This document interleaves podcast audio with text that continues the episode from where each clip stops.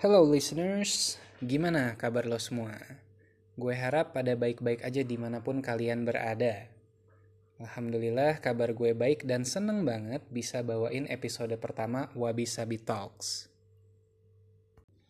Gue pengen banget bahas soal human compatibility. Karena konteksnya luas, gue kerucutin jadi tiga aja. Pertama, cocok-cocokan sama pasangan hidup. Kedua, sama lingkungan kerja atau partner usaha. Ketiga, sama keluarga sendiri. Untuk episode ini gue cuman bahas soal kecucokan kita sama pasangan hidup kita. Gue bakal cerita dulu pengalaman pribadi gue, nanti kita tarik benang merahnya di akhir. Ada tiga poin penting yang bisa kalian jadiin parameter dalam mengukur seberapa kompatibel kalian dengan pasangan hidup kalian. Bagi yang masih nyari calon pasangan hidup, juga bisa pakai tiga parameter ini. Oke, gue mulai ceritanya ya. Saat ini gue udah married. Sebelum gue kenal sama istri gue, gue cuman pernah punya relationship sama satu orang perempuan. Kurang lebih berjalan satu tahun lebih dikit gitu, gue lupa exactly satu tahun berapa bulannya, dan gue pribadi serius menjalani hubungan tersebut. Sama mantan gue, itu hubungannya hampir tidak ada konflik. Ribut gedenya aja bahkan gue masih inget karena cuma pernah kejadian satu kali saling naik nada gitu. Tuh cuma pernah kejadian satu kali doang udah. Selebihnya sampai putus gak ada masalah yang berarti. Doi orangnya nyambung banget sama gue. Preferensi kesukaannya sama dan termasuk saling support dalam banyak hal. Tapi to be fair kayaknya banyakan doi yang support gue sih dibanding gue mensupport dia. Singkat cerita gue yang mutusin dia waktu itu Padahal hubungannya bisa dibilang sangat mulus, kayak deskripsi gue barusan. Momen gue mutusin dia pun, kita lagi gak berantem. Lagi gak ada masalah sama sekali. Dan pas mutusin, gue bilang yang kurang lebihnya beginilah. Aku udah gak bisa lanjut relationship sama kamu. Kita gak ada masalah, kamu juga gak bikin salah apa-apa. Tapi ini harus udahan. Karena nggak tahu ya dari dalam hati gue tuh udah nggak bisa lanjut. Tapi gue bingung ngerangkai katanya. Ya gue ngomong yang kurang lebih poinnya begitu. Ya gue ditanya dong alasannya apa? Kalau memang gue nggak bikin salah kita juga lagi nggak ada masalah ya ya apa alasannya putus? Nggak mau lah gitu kan. Ya gue cuman bisa ngulangin kalimat yang tadi doang dengan menekankan poin uh, yang di mana aduh gue dari hati emang udah nggak bisa lanjut tapi gue juga bingung ngerangkai katanya. Gue yakin lo semua yang lagi dengerin ini pun juga bingung kan? Sama gue juga bingung ketika itu. Dan uniknya gue baru ketemu jawabannya pas gue lagi ngobrol sama istri gue setelah merit. Jadi lagi ngobrol ringan gitu eh nyamber ke ngebahas mantan gue lah intinya. Ngebahas uh, kenapa dulu kok gue bisa putus sama mantan gue itu. Ya udah gue ceritain ke bini gue eh abis gue cerita bini gue malah ngebelain mantan gue. Dia bilang anjir lo jahat banget anak orang lo putusin. Nggak lo kasih alasan yang make sense lagi. Ya siapa juga di posisi dia nggak terima lah. Nggak bikin salah lagi nggak ada masalah. Terus udahan aja gitu dan gak dikasih alasan lagi. Ya kurang lebih poinnya kayak gitulah. Di situ ya gue jadi mikir iya ya alasannya apa sih waktu gue mutusin dia tuh sebenarnya apa alasannya gitu dan akhirnya respon gue ke bini gue gini dulu gue nggak punya perbendaharaan kata yang tepat untuk mewakili yang gue rasain pas lagi mutusin mantan gue waktu itu dan butuh berumah tangga dulu sama lo untuk ngedapetin kata-kata yang tepat. Sekarang clear udah alasan gue putus waktu itu. Yaitu gue nggak mendapati pasangan yang menjadi check and balance buat gue. Gue ngerasa butuh dikritisin sama pasangan hidup gue. Dan hati kecil gue tidak melihat mantan gue punya value itu. Makanya gue putusin. Walaupun dulu belum bisa ketemu kata-kata barusan ya untuk ngejelasinnya pas gue mutusin itu. Ya kondisi realnya gini. Ketika mau serius sama seorang perempuan, berarti gue bakal berumah tangga dengan baik dan benar sama dia, gimana pun usahanya. Saat jadi kepala rumah tangga, kita pasti kan banyak diskusi serius dan mendalam soal rencana hidup bersama. Misalnya gue bilang, eh, eh hidup kita arahnya ke sini yuk, karena begini dan begitu. Terus gue kepikir nih planning untuk mewujudkan itu ada planning A, B, dan C. Menurut kamu gimana? Nah pasangan kita kan responnya bisa macam-macam dong. Ada yang versinya, apa pun yang kamu planning, aku akan dukung kamu sepenuhnya. Yang kayak gitulah responnya tuh ada. Bagus nggak? Bagus, kita didukung. Tapi buat gue itu nggak cukup kalau cuman dapat cheerleader doang aja.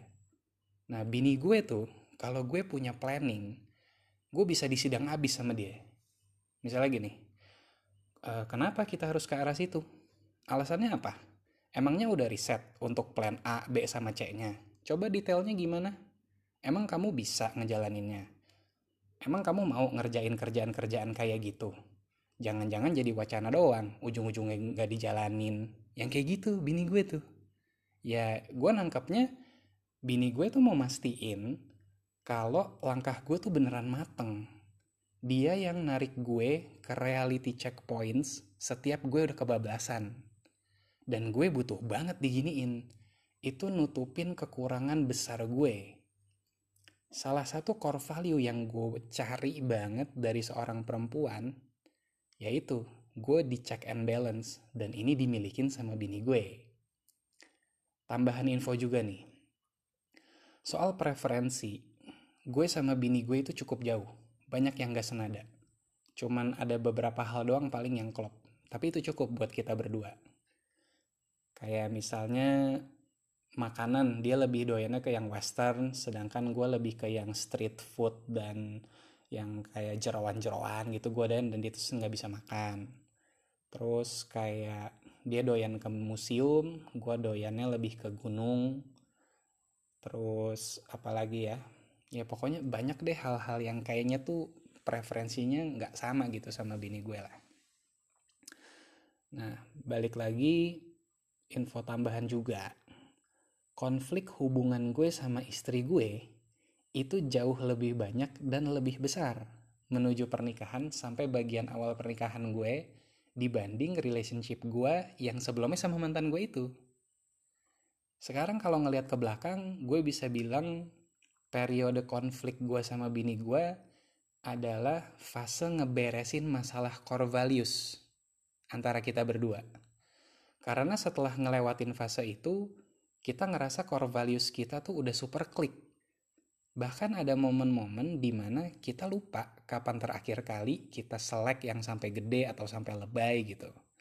Ya bisa sampai senyaman itu ketika kita udah solve masalah core values sama pasangan hidup kita. Jadi selek-seleknya ya nggak terlalu gimana banget gitu. Dosisnya yang pas aja lah buat bumbu rumah tangga gitu. Sampai di sini aja kita udah bisa dapat dua dari tiga poin penting tolak ukur kecocokan kita sama pasangan hidup kita. Yang pertama dan paling utama itu adalah core values yang klik banget.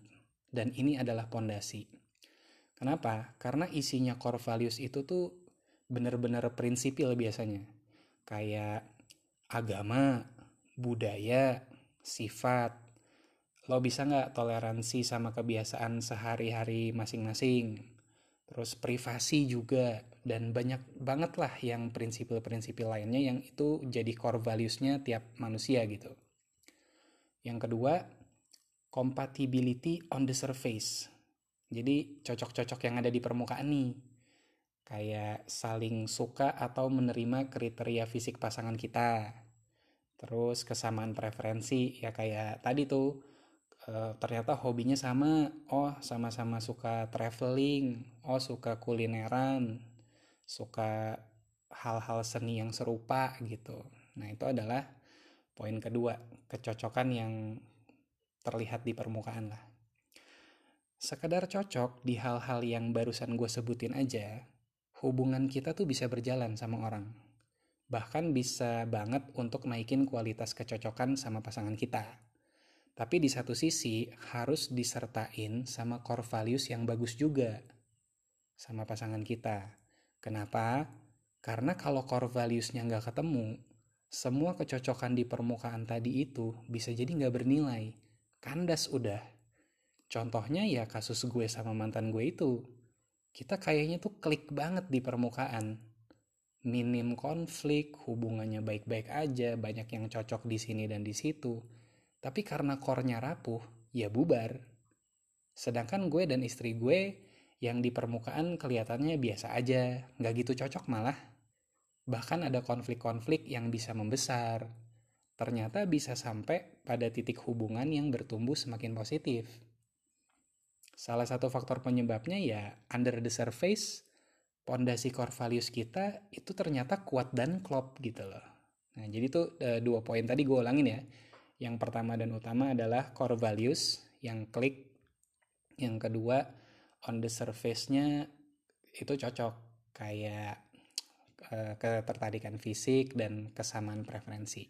Nah, khusus poin yang ketiga, kalau lo punya ini sama pasangan lo, lo memiliki poin ketiga ini sama keluarga lo, sama teman main lo, sama orang-orang di tempat kerja lo atau partner bisnis lo, ini bakal bikin derajat kecocokan lo super nyaman sama orang-orang tersebut. Apakah itu? Itu adalah culture fit gambarannya gini culture kita fit sama orang lain ketika kebiasaan cara pandang akan suatu hal dan cara merespon situasi antara kita dan orang lain itu senada. Contoh nyatanya aja deh. Culture fit kita sama pasangan kita. Kalau gue sama bini gue itu misalnya ngejaga kebersihan mobil deh. Jadi gue kalau di mobil itu tuh luarnya kotor nggak masalah karena kan mobilnya dipakai tapi dalamnya kalau bisa sebersih mungkin jadi ya rapi kalau bisa nggak ada yang makan atau minum apalagi sampai berantakan tuh gue nggak suka banget di mobil kayak gitu kayak kaki-kaki yang naik e, pakai sepatu atau sendal jadi ngotorin bangku atau dashboard tuh gue nggak suka tuh kayak gitu. Nah ternyata yang punya culture itu bukan gue doang tapi istri gue juga punya culture itu. Jadi waktu dia kecil uh, bokapnya tuh juga mirip-mirip gue tuh urusan kebersihan di mobil. Makanya ketika ketemu sama gue oh dia tuh di mobil apik ya. Nah itu udah cocok tuh bagian hal kayak gitu nah terus kayak misalnya cara pasangan selek di tempat umum. Kayak misalnya culture-nya itu ketika bete-betean ada yang bodoh amat mau berantem aja di depan orang nggak peduli. Itu kan malesin banget ya. Tapi ketika lo ketemu orang yang cocok kayak ah kalau ribut jangan kelihatan orang lah tunggu nanti aja di mobil atau misalnya ya kalau udah sampai rumah aja pokoknya ngejaga kehormatan satu sama lain gitu nah itu contoh-contoh culture fit sama pasangan kita kita juga bisa simpulin di sini kalau core values itu adalah pondasi penting. Ngeberesin core value ini tuh justru bagian paling awal di hubungan mana pun menurut gue. Mana core value yang bisa dikompromi, mana yang gak bisa dikompromi, siapa yang mengalah di bagian yang mana. Jadi waktu ngejalanin hubungan tuh udah ada blueprintnya gitu. Walaupun butuh proses ya untuk menyesuaikan core value nggak bisa instan di awal tuh beres tapi paling nggak ya take the time sama pasangan lo untuk ngebahas itu secara serius gitu di awal supaya begitu berjalan tuh udah nggak terlalu kaget dan kecewa banget misalnya ada core value yang benar-benar bertabrakan gitu loh. Nah gue juga ngerasain ketika badai menerpa rumah tangga gue. Ini bukan konteksnya ada orang ketiga baba-baba gitu enggak ya. Tapi uh, eh, gue sempet ngalamin up and down karena berjuang buka bisnis ini dan itu dan banyak gagal juga di bisnis tapi karena core values kita berdua itu cukup kuat gue ngerasa itu menjadi salah satu penyebab gue dan istri gue bisa bertahan rumah tangganya dan malah saling nguatin satu sama lain gitu loh ya bisa dibilang we put the effort to play our part especially pas lagi di titik rendah dalam hidup. Poinnya kayak gitu. Dan jangan lupa kita harus berjuang juga untuk dapetin orang yang culture-nya fit sama kita, yang preferensinya serupa juga. Secara fisik kalau bisa kita saling suka sama dia. Karena semua itu mungkin nggak wajib-wajib banget sih. Tapi kalau kita dapat poin-poin tersebut bakal semakin menyempurnakan kecocokan kita sama pasangan hidup kita.